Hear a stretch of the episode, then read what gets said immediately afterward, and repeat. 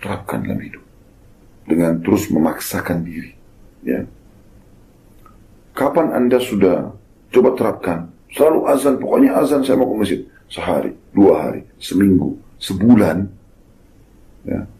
Sudah seperti menjadi sebuah pola ya, dalam hidup, sudah menjadi sebuah kebiasaan dalam hidup. Maka apa yang terjadi?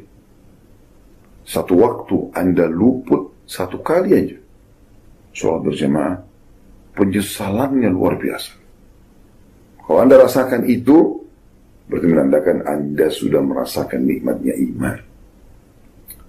Anda sering membaca Quran sehari satu lembar. Sekali luput. Atau Anda biasa zikir pagi petang. Luput. Ada rasa penyesalan. Maka itu tanda kenikmatan iman. Berarti sudah mulai ada kenikmatan di amal soleh itu. Kalau Anda terus saja menjaganya setahun, dua tahun, sepuluh tahun, maka kenikmatan yang Anda rasakan luar biasa. Allah subhanahu wa ta'ala akan memberkahi ibadah yang Anda kerjakan itu. Dengan muncul program-program yang Anda tidak pernah berpikir sebelumnya di ibadah. Contoh misalnya sholat malam. Kalau Anda baru mulai mau mengerjakan sholat malam, mungkin kadang-kadang Anda masih Anda khusyuk, kadang-kadang Anda masih mengkhayal. Mungkin Anda hanya mengerjakan dua rakaat. Itu pun Anda masih memilih surah-surah pendek. Mungkin juga Anda mengerjakan 5 menit, 10 menit sebelum azan subuh. Tapi Anda jangan berhenti. Terus coba istiqomahkan. Seminggu, beberapa hari, sebulan. Nanti Allah SWT melihat istiqomah Anda di situ. Allah akan buat nanti Anda lebih mudah dan lebih ringan untuk sholat empat rakaat. Lebih ringan untuk sholat delapan rakaat. Lebih ringan untuk sholat tambahkan witir tiga rakaat. Walaupun masih baca surah-surah pendek.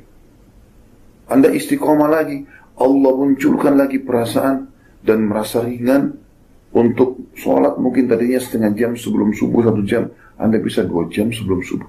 Mungkin tadinya surah-surah pendek, sekarang sudah mulai surah-surah panjang. Jadi muncul program-program di benak kita di jenis ibadah yang sedang kita kerjakan itu teman-teman sekalian yang kita tidak pernah terfikir sebelumnya.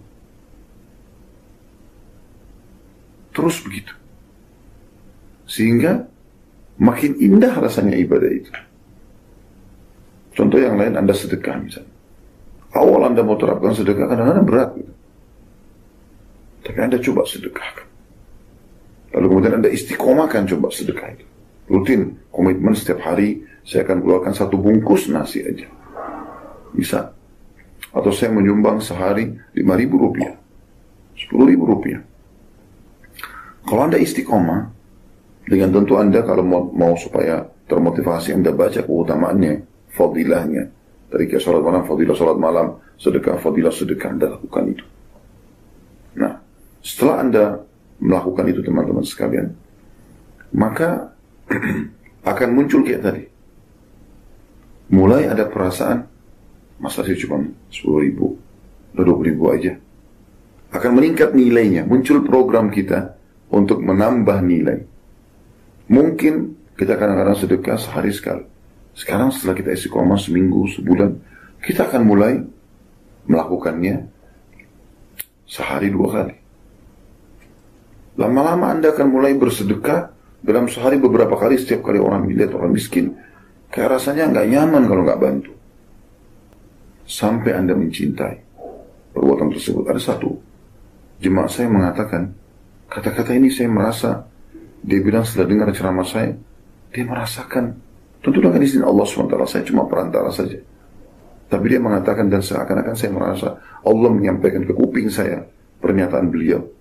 Supaya saya yakin juga apa yang saya sampaikan ternyata bermanfaat bagi umat ini.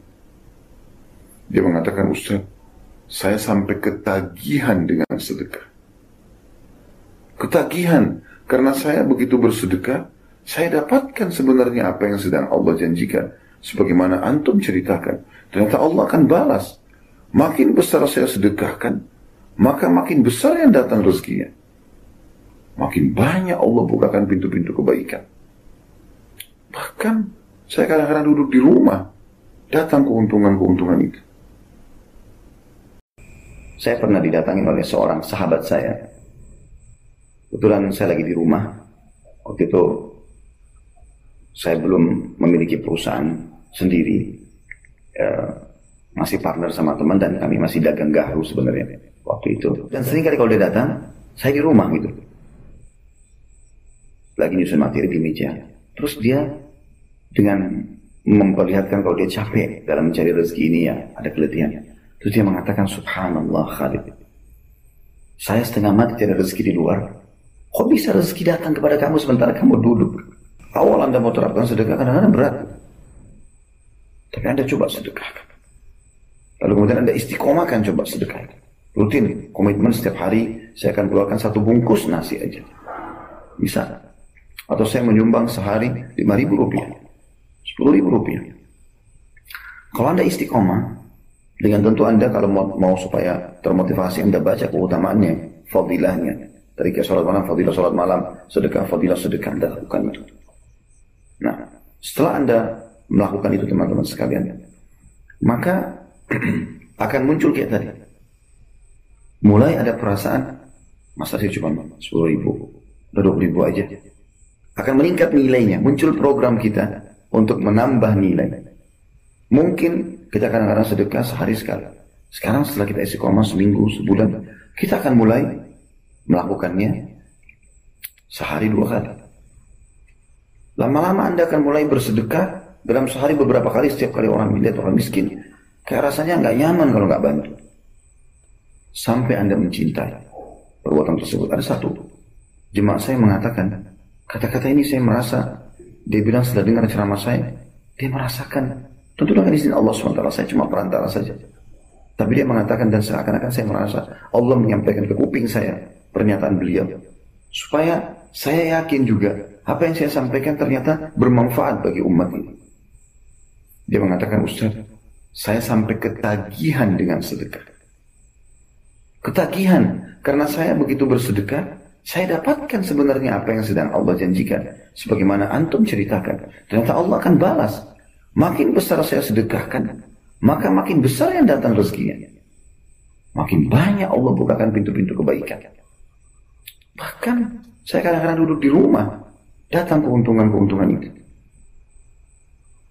Saya pernah didatangi oleh seorang sahabat saya. Kebetulan saya lagi di rumah, Waktu itu saya belum memiliki perusahaan sendiri. Ya, masih partner sama teman dan kami masih dagang garu sebenarnya waktu itu. Dan ada beberapa jenis yang saya taruh dalam garasi rumah. Terus saya masih ngontrak di Jakarta. Di garasi itu saya buat ada sebuah meja kerja kecil biasa untuk saya kerja sekaligus saya susun materi ceramah biasanya. Ya, partner saya ini sering kali datang, saya coba ambil gaharu berapa kilo. Saya bilang silakan, diambil sama dia dijual. Ya. Kebetulan kami sudah sepakat, dia jalan dengan dagangan dia, saya jalan dengan dagangan saya juga. Kemudian kami satu perusahaan gitu ya. Dia datang, dia tawarkan sana sini kan, karena seminggu dia datang, bahwa ini sudah ada keuntungannya. Kebanyakan pembeli pasar itu juga membayar cash misalnya, dibawalah sama dia. Sering dia buat begitu dan sering kali kalau dia datang, saya di rumah gitu lagi nyusun materi di meja. Terus dia dengan memperlihatkan kalau dia capek dalam mencari rezeki ini ya, ada keletihan. Terus dia mengatakan, Subhanallah Khalid. Saya setengah mati tidak rezeki di luar. Kok bisa rezeki datang kepada kamu sementara kamu duduk? Saya hanya tunjuk ke langit. Maksud saya, jaga hubunganmu sama yang di atas. Semua akan baik kok ini sebenarnya. Rutinkan sedekah, jaga sholat, jaga kebaikan-kebaikan. Allah akan mudahkan semua. Allah akan mudahkan semua. Banyak orang mengatakan, oh kalau jadi dai susah hidup. Padahal sedang menyampaikan agama Allah subhanahu wa ta'ala. Susah dari sisi ekonomi. Demi Allah teman-teman saya tidak rasakan itu. Dan saya lihat teman-teman yang komitmen menyampaikan dakwah yang benar, Allah bukakan rezeki. Melimpah Kadang-kadang nggak minta. Masya Allah, tabarakallah, makanan, minuman, pakaian, pasangan hidup, keturunan. Luar biasa gitu. Alhamdulillah, saya punya beberapa unit usaha, bisa berjalan. Saya malah melihat itu keberkahan dari dakwah yang disampaikan. Bisa berjalan semuanya dengan baik. Tapi memang kata kuncinya, menjaga hubungan dengan sang pencipta Allah subhanahu wa ta'ala. Sadarlah teman-teman, Allah maha melihat, maha menilai. Dan Allah kalau memberikan balasan pada saat anda istiqomah di atas agamanya, Inna Allah yarzuku man yasha bi ghairi hisab. Allah kalau sudah memberikan balasan tanpa ada hitungannya. Kadang-kadang teman-teman baru niat saja. Enak ya makan ini. Subhanallah ada yang antarin makanan ini. Baru niat saja. Oh, bagus ya kendaraan itu. Entah kenapa berwaktu kemudian ada yang antarin kendaraan, ada duit bisa beli kendaraan tersebut. Depan mata Allah berikan nikmat itu. Apa saja kita niatkan? Baru dia cuplikan Ka'bah. Masya Allah, enak benar orang tahu. Kalau beberapa hari kemudian, sebulan, dua bulan, kita sudah ada depan Ka'bah. Kuasa Ar-Rahman. Kuasa zat yang maha pengasih, maha penyayang. Banyak orang yang tidak mau manja dengan Tuhannya. Padahal Allah mau kita manja, saudara muslimin. Allah mau kita manja. Kata Nabi SAW, Man lam yadu'ullah yaghdab alaih. Dalam hadis sahih riwayat Tirmidzi, siapa yang tidak berdoa kepada Allah, Allah marah padanya. Kalau kamu saudaraku tidak minta, tidak manja pada Tuhanmu, dia marah padamu. Sampai seorang penyair Arab mengatakan apa? Jangan kau minta pada manusia. Karena kalau kau minta padanya, dia akan berkeluh kesah. Sekali kau minta, dia akan beri dua kali, tiga kali. Dia akan mengeluh. Bahkan dia akan menolak mungkin atau menghinamu. Tapi mintalah kepada zat yang kalau kau tidak minta padanya justru dia marah. Allah mau kita merengek, minta. Kita boleh tamak dengan rahmat Allah subhanahu wa ta'ala. Diberikan kesehatan, minta tambahan kesehatan. Diberikan keturunan, diberikan harta, diberikan jabatan. Minta agar Allah ta'ala berkahi. Berikan tambahan. Bukakan pintu-pintu yang lebih baik. Boleh tamak terhadap rahmat Allah. Kita minta teman-teman agar diberikan jaga kesehatan kita jauh lebih baik, lebih afdal dibandingkan kita sakit minta disembuhkan. Kita sedang kaya, kita minta agar harta kita berkahi, ditambah oleh Allah Subhanahu wa taala supaya bisa lebih banyak mendekatkan diri kepada Allah dengan harta tersebut. Lebih baik pada saat daripada sudah bangkrut baru minta diberikan solusi.